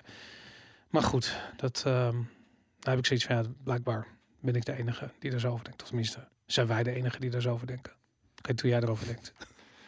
Nee, de- inderdaad. eh, eens. Ik vond Bitonic eh wel een topbedrijf. Dat Bazig zijn ze. Bitonic, eh, we- je- na- naar mijn inschatting van ja, de- ze deden het, want het moet, maar ze deden het ook onder protest. En nu gaan ze nog aanvechten ook. Kijk, je zei het al, ik vind het dapper en ik denk dat het goed is. Ja. Laat hier, laat hier maar eens een rechter naar kijken. Absoluut, heel goed. En ik vind het trouwens ook een schokkende ontwikkeling dat we dus gaan zien van, kijk, het lag heel erg voor de hand om te gaan zeggen van, oké, dan koop ik mijn bitcoin toch gewoon ergens in het buitenland. Eh, dat dat dus niet eens meer zo heel makkelijk is, omdat veel buitenlandse partijen zoiets hebben van, hé, hey, oh, je bent een Nederlander. Eh, dat is een Nederlandse bankrekening. Daar hebben we helemaal geen zin in. Doei. Dat is nogal een dingetje. Ja, dat, eh, dat blijkt. Ja, inderdaad. Goed, ehm, we houden jullie op de hoogte. En we juichen Betonic toe. We wuiven ze toe. We wensen ze sterkte in deze eh, David en Goliath strijd tegen, tegen Klaas Knot. Navalny, hij is vergiftigd, teruggekeerd naar Rusland. Vervolgens in de bak gesmeten. Eh, ook daar mensen massaal de straat om tegen dit grote onre- eh, straat op tegen dit grote onre- onrecht. Ja, grootste demonstraties in Rusland eh, in tien jaar of zo. Tienduizenden mensen en in eh, honderden verschillende steden. Nou goed, het is altijd moeilijk om eh, eh, precies in te schatten wat hier precies aan de hand is. Maar ik zag, eh, het, ging er, het ging er flink hard aan toe ook. Nou vind ik ook al, ik, ik ben, 3000 ben je- mensen opgepakt of zo. ben je wel eens in Rusland geweest? Ja, Ik vind de Russen heel hard. Ik vind het harde mensen. nee, die zijn lekker eerlijk. Die zijn lekker direct. Ja, maar ook gewoon. eh, eh, ik kan me herinneren dat ik, ik zat in, de, in een taxi volgens mij van eh, in, in Moskou van, van het vliegveld of ergens. Ik, weet, ik had een taxi genomen en die taxichauffeur die, die hij sprak niet zo heel goed Engels, maar het wa- was een klein mannetje. Maar ik, als je hem ook aankijkt, dat was een harde guy, weet je, alsof hij al heel veel had meegemaakt, weet je, weet ik veel, een soort, een soort Lord Is waarschijnlijk ook is zo. waarschijnlijk ook zo. En ik zag die, ik zat die rellen te kijken, ik zag beelden daar vandaan ko- komen en ik zie ook gewoon, ja, ik weet niet, er wordt echt, ja, la- laat ik zo zeggen, hier in Nederland is, zie je dan een soort van zo'n zo'n M8-charge en dan is iedereen weg. En daar zag je eigenlijk dat mensen niet echt weggingen. Het was gewoon, het ging er gewoon hard aan toe. Ik had echt zoiets van, nou, nou, nou, wat zijn die Russen hard. ik vond het hard dus. Maar goed, wat ook hard is, is dat ze ehm, Navalny eh, aan het supporten zijn met bitcoin betalingen. Bitcoin donations. Ja. Ja, dus het kwam in nieuws inderdaad, omdat er, dat was weer, daar zat weer een surge in. Maar hij heeft er dus over de jaren echt honderden gekregen, las ik. Oh ja? Bitcoin. Ja, heel veel bitcoin ehm, ontvangen als donaties. Ja, dat is natuurlijk ook logisch. Dat is, dat is net dus als met WikiLeaks, toch? Die hebben in 2012, wanneer was dat? Eh, ook Ja, Duizend. elf denk ik. ja, duizenden bitcoin gekregen. Ja, maar het verschil is nog wel dat eh, bij WikiLeaks werd ook alle, werden alle andere betaalmethodes ook afgeknepen. Denk je dat dat bij Navalny niet, niet zo is? Nee, volgens mij dus niet. Volgens mij kan je ook nog wel op normaal, gewoon via banken of zo, of wat dan ook, kun je nog wel aan hem doneren. Hij heeft gewoon natuurlijk Alleen- Goldman Sachs een rekening lopen die, eh, die Poetin niet kan. Nou ja, het ding is, eh, eh, dus het kan wel. Alleen het ding is natuurlijk, als je, als je wa- wat hebben zij, roebels toch? Ja. Als je roebels aan hem wil doneren via een bank, ja dan weet Poetin ook meteen dat je roebels hebt gedoneerd aan natuurlijk. Navalny. Ja, ja. Dus ehm, dat, dat, dat laat weer zien. Ja, dat is dus ook goed voor. Dat is een goede manier om Bitcoin. Als je je privacy wil bewaren, dan kan je dus op zo'n manier aan een oppositieleider toch donaties doen. Ja. Zonder dat Poetin meteen weet wie je bent en waar je woont. Ja. En eh, hoeveel je hebt geschonken. Dat soort dingen. Eh, ook een goed argument voor. Je hoort wel eens mensen zeggen: ja, privacy is allemaal goed, maar geef de overheid maar een backdoor-achtig. weet je wel, dat de overheid het nog wel weet. Van ja, je moet wel privacy hebben van je buurman. Tuurlijk, Ja. tuurlijk, maar niet van de overheid. Terwijl ja, ik denk dat dat is juist waar je de privacy uiteindelijk ook voor moet hebben. Dat is Tuurlijk. juist voor de worst case scenario's. Zoals dit, dat er een oppositieleider wordt vergiftigd en dat je dat soort donaties wil maken. Dat is uiteindelijk de uiteindelijke stok in de deur die je juist ook moet hebben. Voor, om, ja, het ergste wat er kan gebeuren is dat de overheid zelf corrupt wordt en zelf dictatoriaal wordt en zelf op zo'n manier bezig gaat. Ja, dat is juist wanneer je privacy het allerhardst nodig hebt. Ja. En dan is het argument dus dat je op dat moment geen privacy zou moeten nodig hebben. Nee, daar is privacy uiteindelijk. eh, Dat is de laatste, Ja. laatste redmiddel wat je nog nodig hebt. Dat is waar je uiteindelijk privacy voor moet veiligstellen. Ja. En dit is daar een goed voorbeeld van. Ja, mensen moeten denk ik anoniem kunnen doneren aan zo iemand. Ja. En, via, en met Bitcoin kan dat. En ehm, ik zag dat eh, het is. Dus 10 à 15 procent van donaties aan hem gaat ook via Bitcoin. Oké, dus niet via Monero, niet via Polkadot. Ik, ik ga er vanuit de, die 85% dan, dat is dan gewoon via banken fiat, denk ik. Was, Ah, mijn, was mijn aanname. Ja, oké, oké. Eh, dus ja, aan de ene kant is, is dat veel weinig. Ik vond zelf eigenlijk wel redelijk veel klinken, 10 à 15% via bitcoin. Ja. Weet je bitcoin is gewoon nog klein. Dat, dat, Maar ik vind het wel logisch. Ik kan me goed voorstellen dat je dat op die manier doet. Nee, ja, zeker. Dat is de enige manier waarop ik het zou doen in ieder geval. Ja. Nou goed, eh, Navalny, hij is, eh, hij, is, eh, hij is off-zero. Je kan een boel van hem zeggen, Ja. maar hij is... Nogal dus. Ik, ik, ik weet niet of je het heeft gehold allemaal natuurlijk. Maar ik, ik dacht dat hij echt een paar honderd bitcoins heeft ontvangen over Staat de afgelopen dat paar jaar. Coindesk artikel? Ik dacht het wel, ja. Oké, nou, ik ga het even bijkijken. We willen natuurlijk wel weten hoeveel, hoeveel bitcoin Navalny heeft. Kijk, maar ik, begrijp ik ook niet. Een paar waarom- honderd, dacht ik. Ja, waarom begint hij niet zijn eigen citadel dan? Misschien wil hij dat wel. Is hij daarvoor dit nu aan het doen? Hij heeft eh, 3,7 bitcoin gekregen afgelopen week. Wat, Ja. wat lekker aantikt. Dat is eh, bijna, wat is het? Bijna een ton in euro's. Even kijken. Ja, hij heeft eh, de, over de afgelopen vijf jaar al 657 bitcoin in donatie ontvangen. Ja. Jesus Maar Christ. goed, eh, een- misschien dat hij het grootste deel daarvan natuurlijk alweer heeft verkocht of zo. Dat kan allemaal, maar ja, of niet. ja, of niet inderdaad. Ja. Ongelooflijk. Hij heeft trouwens een heel... eh, hij heeft een over de top luxurious 168 eh hectare die estate. Die is van Poetin. Dat is het. Oh, presumably belongs to Putin. Oh, ja. dat is zeg maar een van de dingen die hij naar buiten had gebracht. Of wat. eh, Ah, oké, oké. Ik, dat- ik, ik zit even te een scannen. Dacht enorm paleis inderdaad. dat die hij die dan- 607 bitcoin aan een estate had uitgegeven. Nee, maar dat is dus niet zo. Nou, Navalny. Eh, hoeveel de- denk je dat Poetin meer of minder bitcoin heeft dan Navalny? Dat is natuurlijk waar het uiteindelijk om gaat. Eh, ja, minder hoop ik. Ik denk dat, dat Poetin veel meer bitcoin heeft.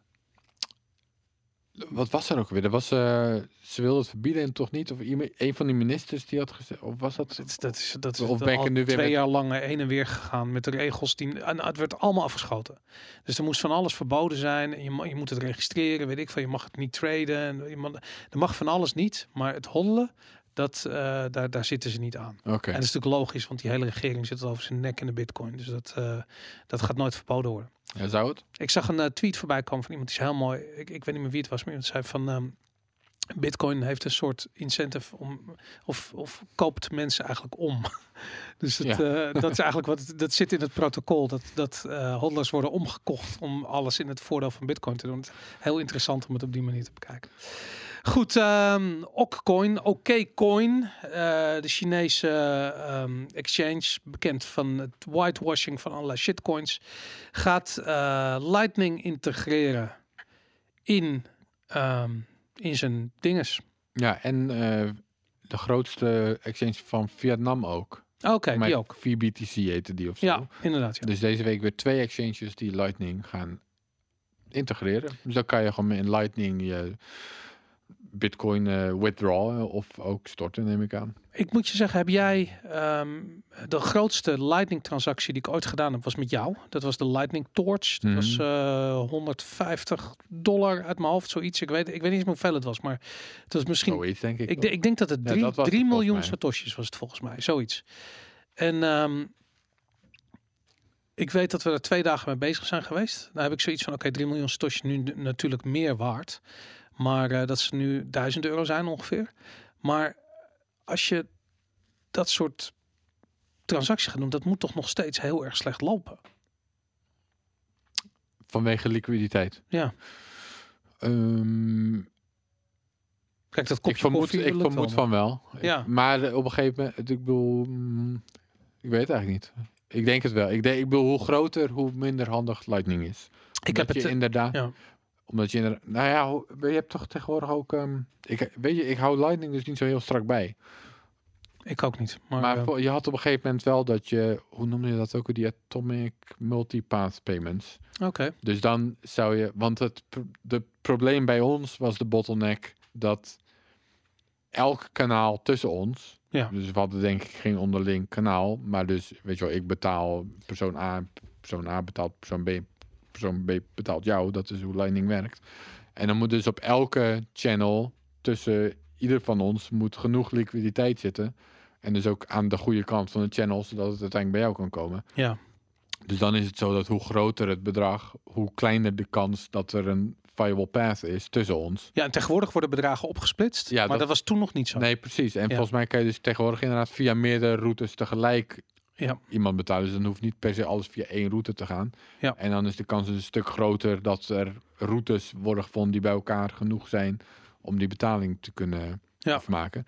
Dus ehm, dit soort dingen eh, ja, worden ook wel steeds beter. Ja. Daarna krijg je natuurlijk steeds betere liquidity tools. Weet je wel, dat als al je funds aan één kant zitten, dat je dat weer heel makkelijk via een on-chain transactie reset, zeg maar. En ik volgens mij zit daar de key in. Want ik, ik, ik heb begrepen dat veel van die exchanges op zo'n manier ehm, ook gaan samenwerken. Dus dat je uh, uh, als er niet direct. Uh, um, laat ik zo zeggen, de, net als wat um, Strike aan het doen is, waar we het eigenlijk nog niet over hebben gehad bij de Bitcoin Show, maar daar zie je ook dat die zelf, die Jack Mallers is zelf allerlei nodes aan het opzetten die exclusief alleen maar geconnect zijn met zijn eigen nodes, specifiek voor die hele grote transacties. Hmm. En dat, dat je dus eigenlijk, dat hij eigenlijk een soort eigen netwerk binnen Lightning bouwt, waar dus wel heel veel liquiditeit is.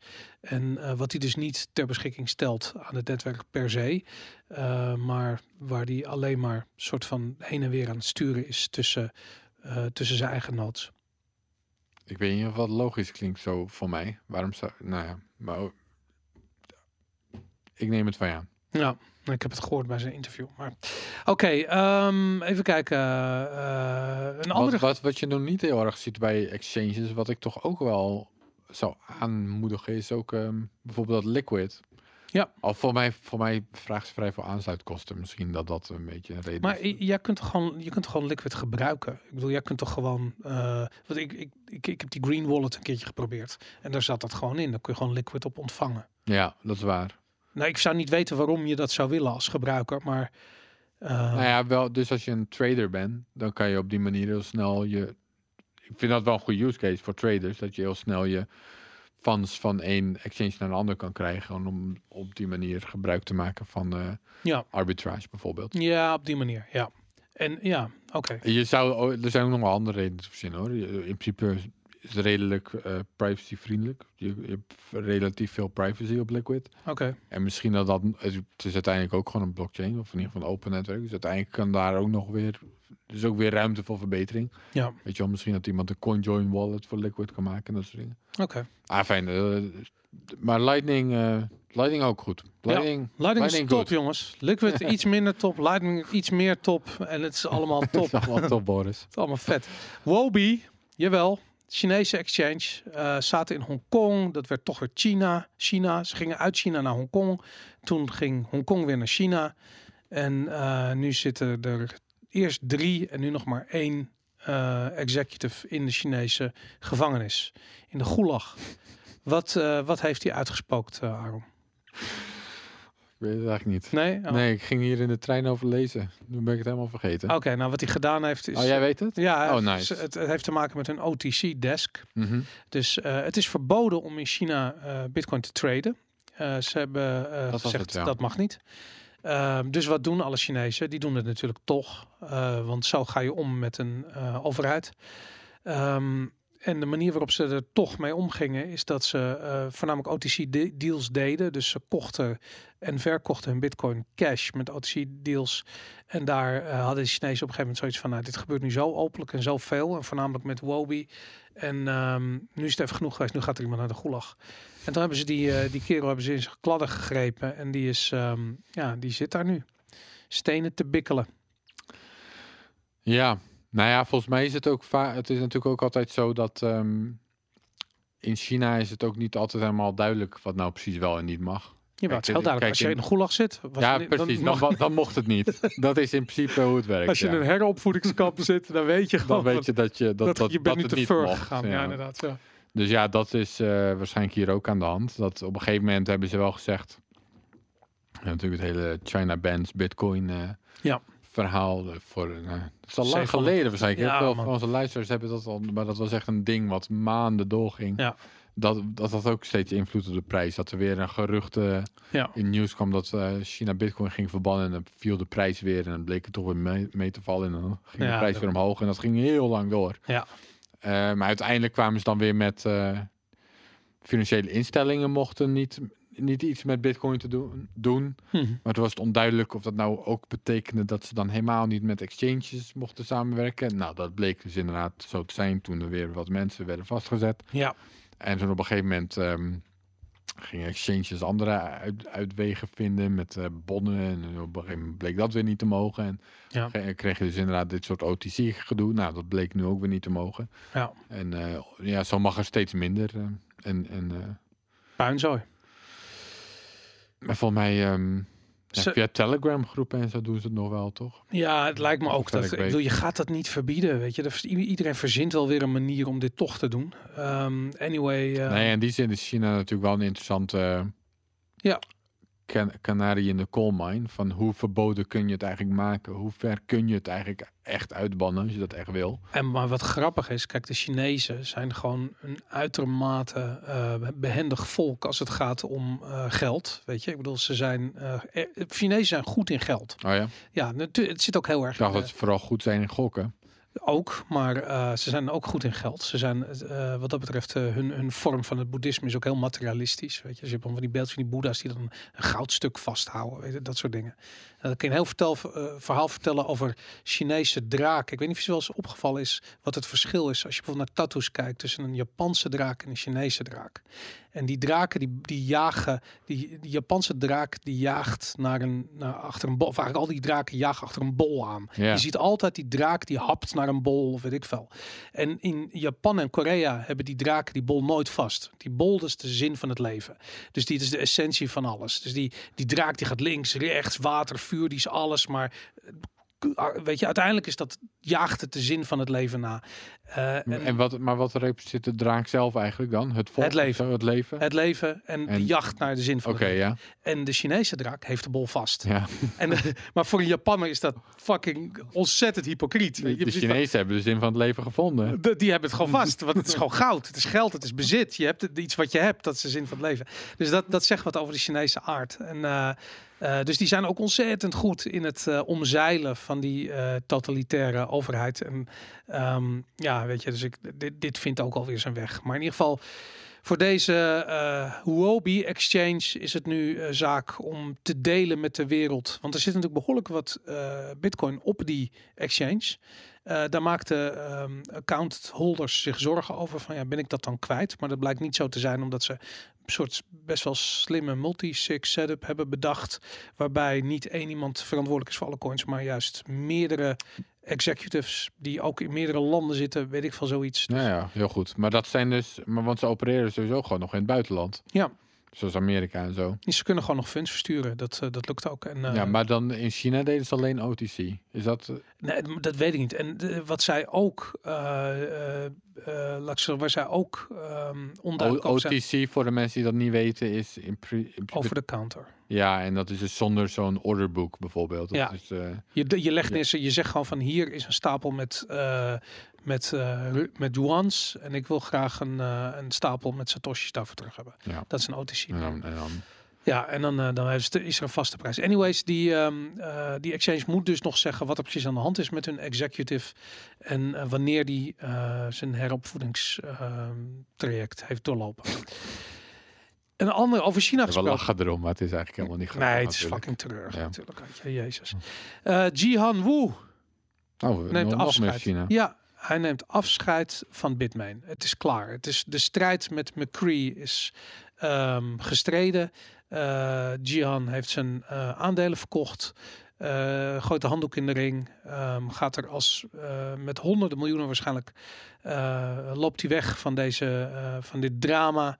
En ehm, ja, McCree is vanaf nu de CEO en chairman van Bitmain. Ja, gefeliciteerd McCree. Ja, goed gedaan. McCree was volgens mij altijd wel ook de redelijke van de twee. Wat ik er een, een beetje van begrijp. Hoor. Hij was helemaal niet eh, in de...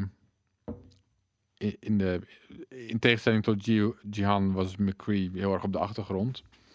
Die Ja. was niet op Twitter eh, ruzie aan het zoeken en weet ik veel wat allemaal. Ja, Eh, volgens mij was het ook Jihan's idee voornamelijk om voor het hele Bcash verhaal te gaan. klopt. Ja. Om daar uh, En daar heeft hij om daar all echt in. mee naar de, naar de Filistijnen geholpen. Ja, 80.000 bitcoin cash had hij.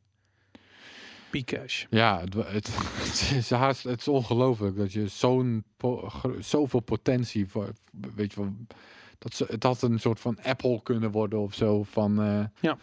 nieuwe Apple als, als vooral als Bitcoin succesvol zou blijven natuurlijk. Ja. En in plaats daarvan eh, alles, eh, alles vergokt op Bcash en eh, Nou, en ook... en de- volgens mij McCree, dat is ook wel een van de redenen dat nou ja, te begrijpen natuurlijk dat McCree toch wel een beetje pissig was uiteindelijk. En dat ze die ruzie Ja. is ontstaan. En die ruzie waarbij ze dus uiteindelijk tot vuistgevechten aan toe in het gebouw Ja. aan doorgingen. En ja, ook. Maar wie weet komt er wel weer een hoofdstuk, hè? Want volgens mij is het al een paar keer. ehm, Ja, nou, ze zijn letterlijk een keertje vechtend over straat gesignaleerd. Eh, maar wat natuurlijk ook ontzettend veel pijn doet bij eh, Bitmain... is die brain drain die er heeft plaatsgevonden. Eh, die, die, ik ben even zijn naam kwijt. Die engineer die weg is gegaan, die dat Watchminer heeft gestart. eh, wat toch wel eh, nu de Ja. betere papieren heeft om de betere mining... Kijk, er is zo ontzettend veel vraag naar mining equipment...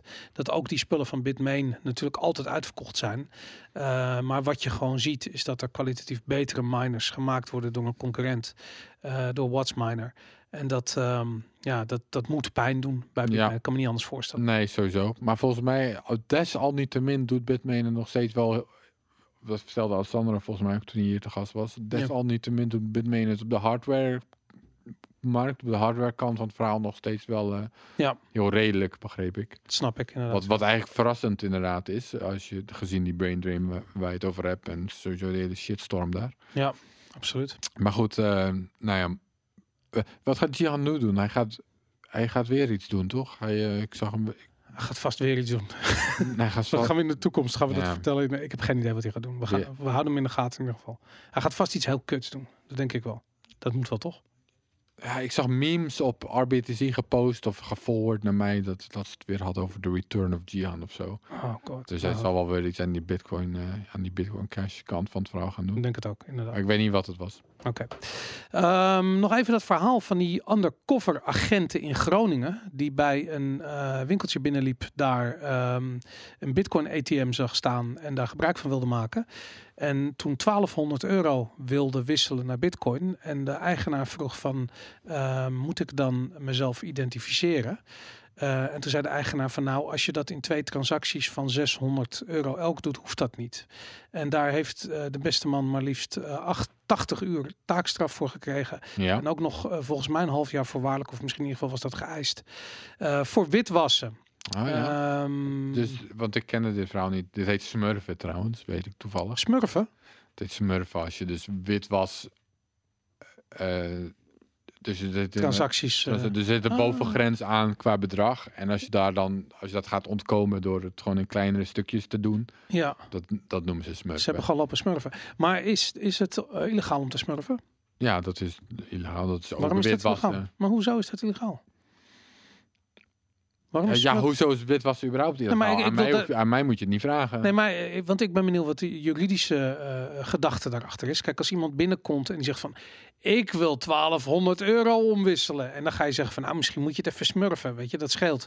Dan snap ik, oké, weet je, je bent iemand een beetje een bepaalde richting op aan het drukken. Maar stel je voor dat je nou 600 euro verdiend hebt en je wil dat in, in, in satoshis omzetten. Dan doe je dat bij zo'n ATM. Vervolgens heb je weer 600 euro verdiend, toevallig op dezelfde dag. En eh, wil je dat ook weer omzetten, dan is dat toch niet, dat is toch gewoon logisch dat je het op die manier doet. Je wil geen, geen risico lopen dat je euro's zijn, zijn koopkracht verliezen. Dus je zet het direct om naar satoshis.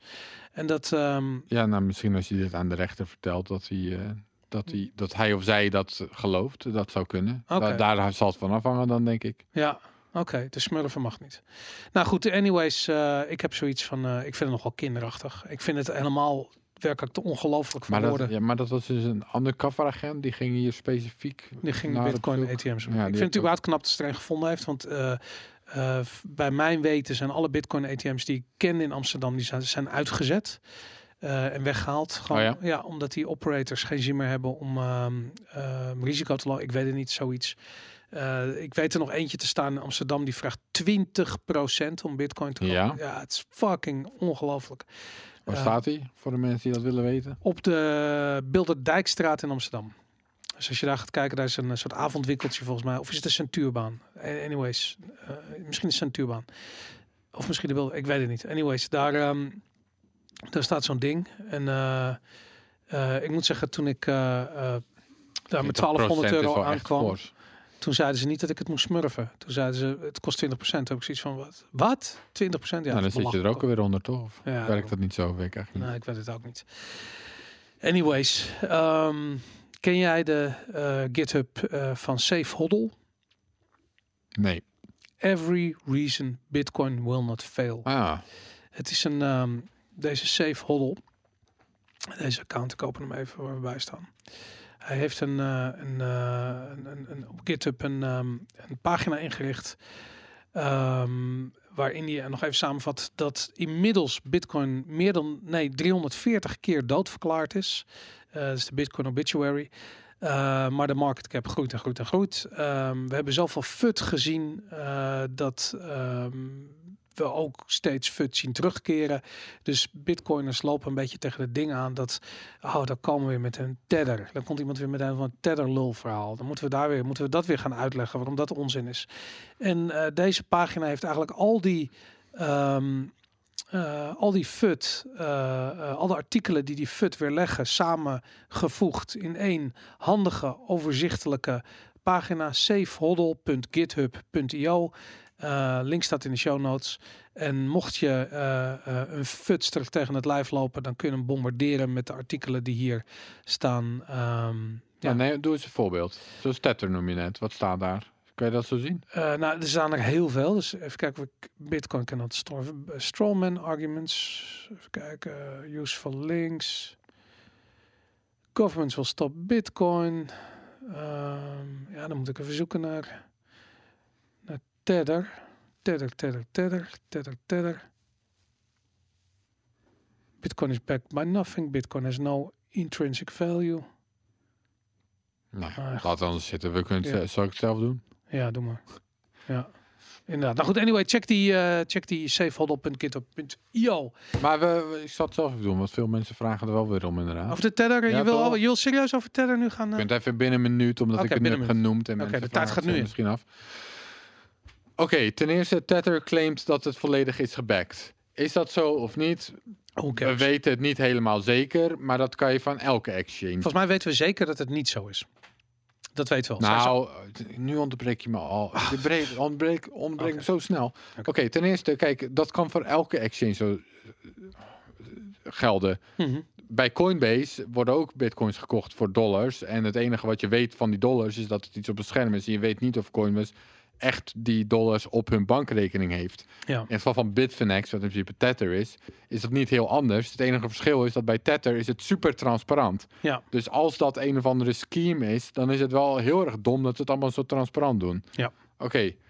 Daarnaast is op een gegeven moment hebben ze dus gezeik gehad met banken. Ze moesten rondwisselen. En is er aan het licht gekomen dat ze wel degelijk al die echte dollars hadden, maar dat er een deel in beslag is genomen. 800 miljoen. Ja, wat dus eigenlijk in contra contradict tegenspreekt wat de Tetherfudders in eerste instantie altijd aan het zeggen waren, namelijk dat het uit het niets werd gecreëerd. We weten zeker dat het niet uit niets is gecreëerd, in ieder geval tot een jaar geleden of wat het was wanneer die rechtszaak in, eh, aan het licht kwam. Oké, toen hebben ze wel wat problemen gehad met eh, banken en eh, dus ze konden niet bij een deel en daar hebben ze een beetje mee zitten sjoemelen, omdat ze ook niet heel anders konden. Oké, daarnaast, ja, Tether moet je het vertrouwen. Ik zou zeggen nee, hou maar geen Tether vast, want dat is wel een centralized point of failure, Mhm. wat je beter niet kan doen. Maar de, vervolgen, de, de conclusie vervolgens dat Bitcoin totaal onderuit zou gaan als er iets mis te zijn, blijkt te zijn met Tether, ja, die volg ik ook niet helemaal. We weten zeker, dit is een leuk argument van Greg Maxwell, wat ik laatst tegenkwam. Mhm. We weten zeker dat Ethereum uit het niets is gecreëerd. Dat Ethereum niet backed is bij wat dan ook. Dat dat gewoon is gepremined en er staat niks tegenover. Ja. En er zijn heel veel Ether, Ethers die worden getrade tegen Bitcoin. Ja. Stel nu dat E- Ether valt, heeft dat een effect op Bitcoin? Denk het niet. Nee. Stel nu dat Tether valt, heeft dat een effect op Bitcoin? Maar waarom zou het? Ik denk helemaal niet dat dat per se zo is. Ja. Dus inderdaad, Tether is misschien een slecht idee. Hou geen Tether vast. De, vervolgende, de conclusie vervolgens dat dat onwijs veel invloed heeft op Bitcoin, die volg ik niet. Daarnaast denk ik nog dat Tether waarschijnlijk wel gebackt is, omdat anders, ik geloof dat de markt dat soort dingen, dat soort risico's. We hadden het al gezien. Het was al geïmplodeerd. het, is al eens gebeurd, inderdaad. En de markt corrigeert dat. Je ziet dat, je gaat dat soort dingen terugzien aan de prijs zelf. Ja. Dus Bitcoin op Bitfinex gaat dan voor veel meer traden, bijvoorbeeld dan op andere exchanges. Ja. Omdat die dollars, de tethers, minder waard zijn dan echte dollars op Kraken, om maar een Ja. voorbeeld te noemen, bijvoorbeeld Blab. Ja. Dus eh, het, het, het, het hele Tether verhaal dat rest op de aanname dat de markt geen risico's kan inprijzen. Dat, dat vind ik helemaal niet geloofwaardig. Ik denk dat de markt dat wel kan en ook doet. En we hebben dat gezien wanneer Sterker nog, risico's worden massaal ingeprijsd. Vooral in bitcoin. Zeker. Dat zie je de hele tijd. we zien dat ook bij, we zagen dat Mount, Go- bij Mount Gox, toen die op een gegeven moment niet bij 100 dollars kwam, toen kreeg je dus allerlei gekke De hypothalamus. De hypothalamus. Ah, fijn, dat was eh, twee minuten, dus laten we verder gaan. Ja.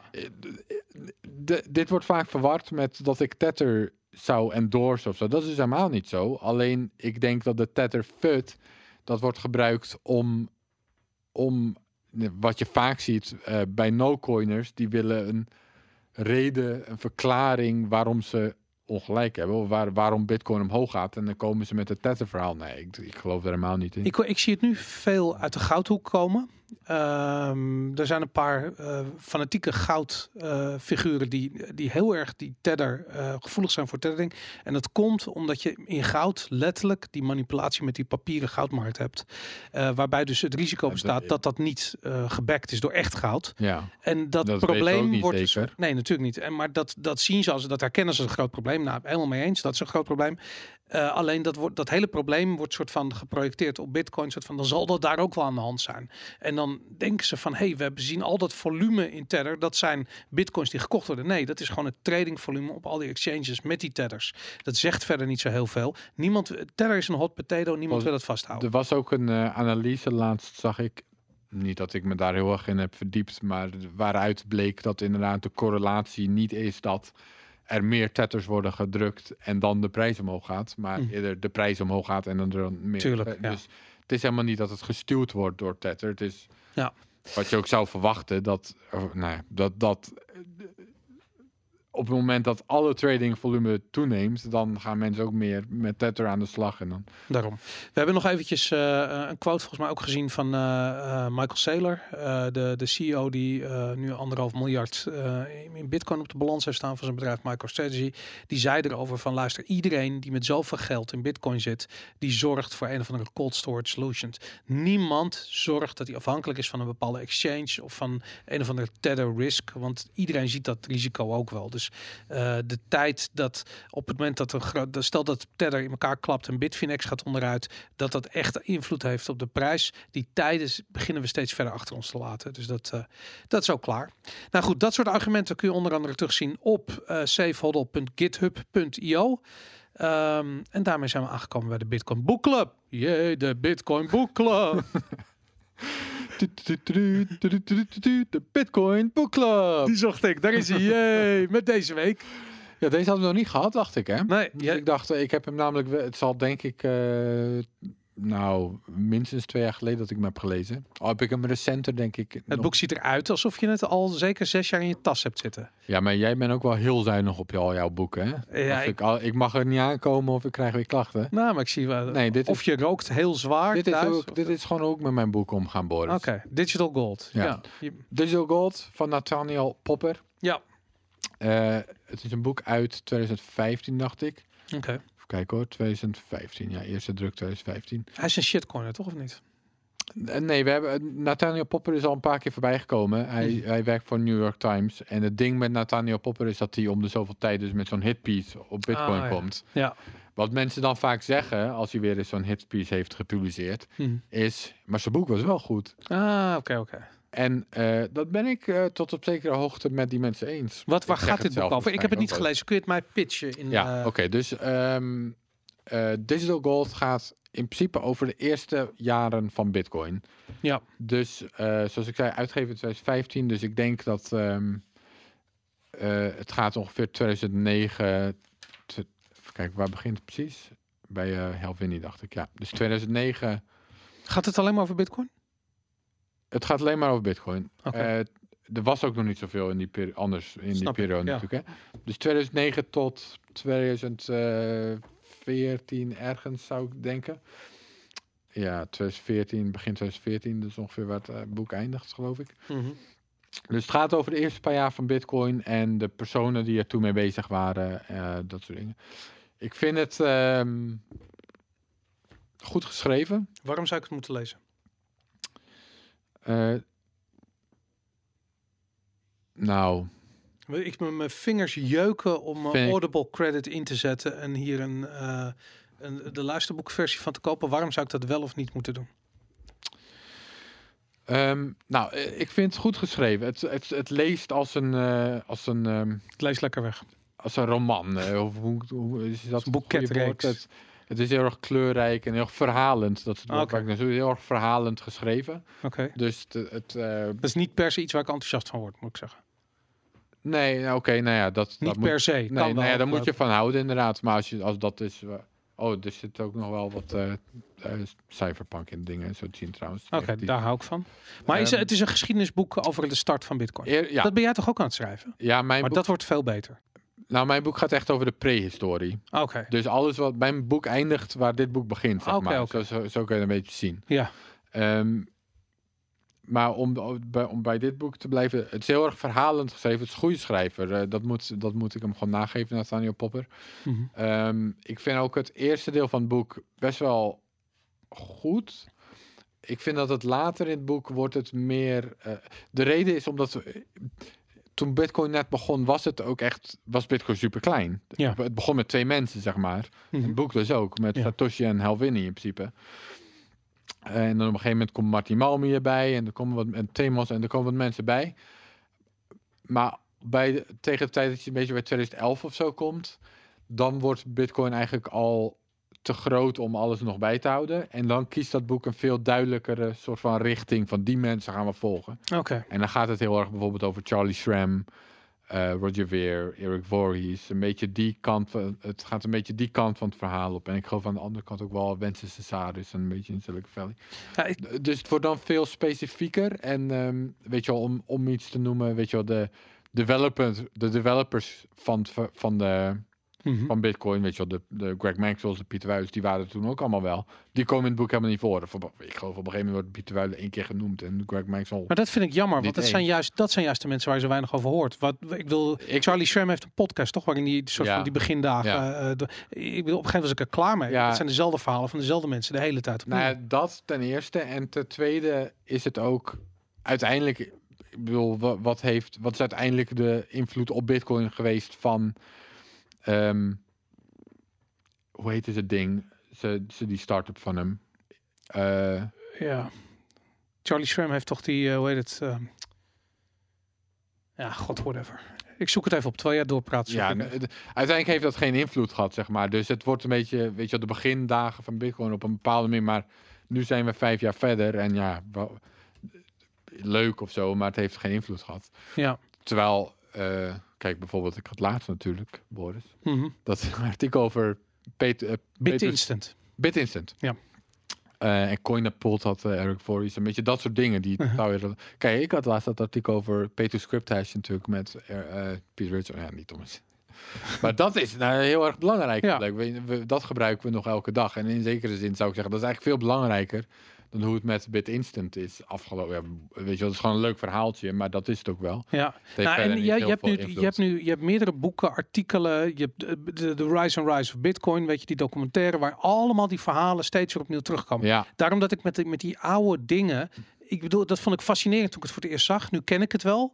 Eh, dus daarom denk ik dat ik dan toch niet digital gold eh, ga aanschaffen. Ja, ik vond het begin wel. Het, begon, het begin is heel aardig, vond ik. Want dan gaat het echt over Helvini, Marty Malmi. En dat vond ik echt best wel tof. Ja. Zeg maar het eerste jaar van Bitcoin of zo. Ja. Twee jaar van Bitcoin. Dat, en toen we daar voorbij gingen. Ja, toen vond ik het ook minder worden. Toen dacht Ja. ja. dit weet ik allemaal wel. En dit vind ik allemaal eigenlijk ook weer niet zo heel erg belangrijk of zo. Ja. Eh, en ik vond dat het boek heel erg abrupt eindigt. Er zit, weet je, het is geschreven als een roman, maar het eindigt zeg maar een beetje niks. Ja. Het eindigt van, nou, tot hier zijn we. Je kunt het ook niet eindigen, want het, het, Precies, Bitcoin het is- gaat door. Precies, maar ja, goed, je kunt natuurlijk een boek eventueel. Je kunt naar de toekomst kijken. Je, kunt, je Ja. kunt er iets mee doen dat, je toch, dat het toch voelt als een einde. Maar dit boek, het is gewoon, nou, hier zijn we en nu is het af, zeg maar. Ja. Maar goed, wel goed geschreven. En ik vond de e- deel over 2010, 2011, eh 2009, 2010 vond ik heel, eh, heel aardig. Nou, en wat ik ook heb, dat als je nu kijkt, ze- ik bedoel, de Charlie Shrams van toen zijn nu de Michael Saylors, bij wijze van spreken. Michael Saylor is letterlijk niet uit de podcast weg te slaan. Die, Ja. is, die komt elke week wel drie keer langs ergens. Dus die mensen zijn zo overexposed. Je kent hun verhaal zo goed dat het, het, het ja, de moderne variant van dit. Dit was vet, omdat je had niks. Weet je, wat wisten we nou van Charlie Schramm en, en al die gasten uit het begin?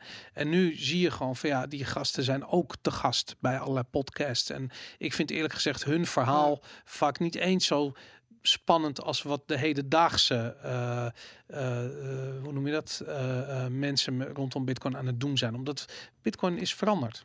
Ja, het, eh, het, het gaat een beetje in fa Bitcoin heeft ook zijn fases inderdaad. En dat, gaat, dat geldt dan ook voor de mensen die, die in het oog springen. Je geeft een goed voorbeeld. En Michael Saylor is nu eenmaal eh Ja. soort van eh, de embodiment of Bitcoin. We hadden het laatst in de podcast ook over bijvoorbeeld eh, dat mensen die nu nieuw zijn in Bitcoin.